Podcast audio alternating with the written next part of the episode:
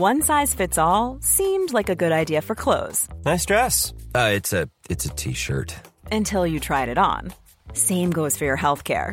That's why United Healthcare offers a variety of flexible, budget friendly coverage for medical, vision, dental, and more. So, whether you're between jobs, coming off a parent's plan, or even missed open enrollment, you can find the plan that fits you best. Find out more about United Healthcare coverage at uh1.com. That's uh1.com.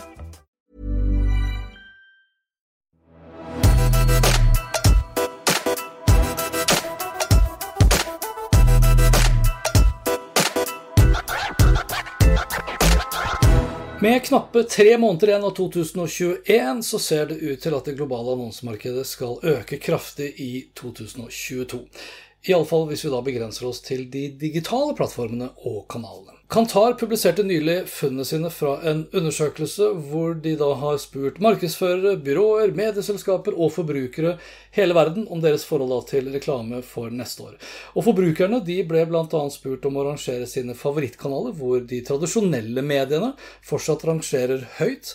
Det gjør også da kinoreklame, sponsa eventer og magasiner. Samtidig så er det disse kanalene som ser ut til å falle mest til neste år. 18% av annonsørene svarer at de vil investere mindre i 2022 på eventer. 20% svarer at de vil bruke mindre på kinoreklame, mens over halvparten vil redusere markedsføring i magasiner og papiraviser.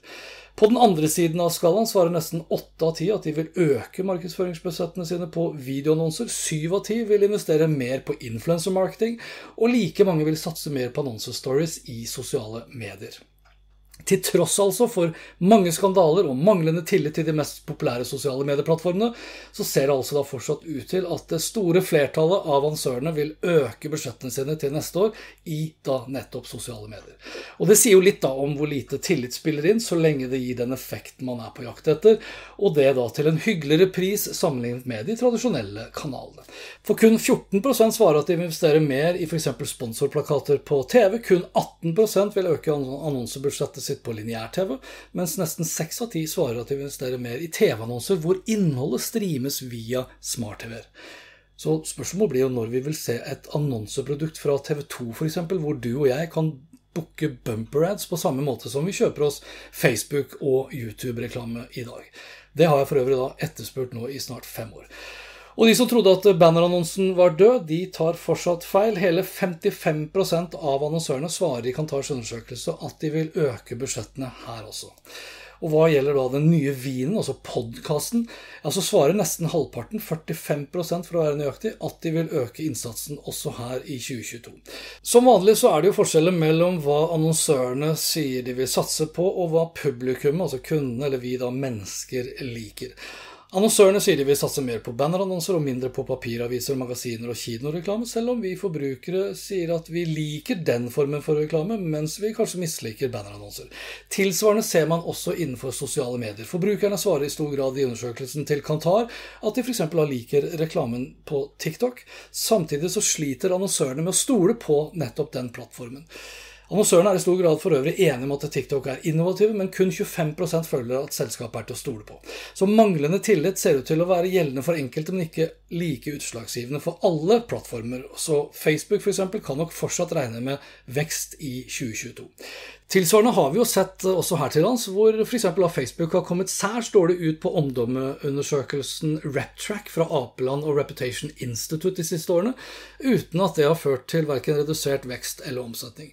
Med økende fokus derimot på personvern og stadig nye reguleringer for hvordan annonsører kan målrette sin reklame, så har jeg stor tro på at influencer marketing vil fortsette å vokse, og det på tvers av mange kanaler, som f.eks. branded stories i sosiale medier som Instagram, Snapchat og TikTok, til ren reklame reklameinnslag og sponsorplakater hos influensernes podkaster, og ikke minst også hos influensernes YouTube-kanaler. Og når direkte målretta kampanjer blir stadig vanskeligere, så tror jeg også i økende grad på spissa, nisja og mikrofokuserte influensere som har stor grad av tillit innenfor sine felt og områder. Så er spørsmålet om jeg har rett eller feil. Da. Hva tror du? Vi snakkes.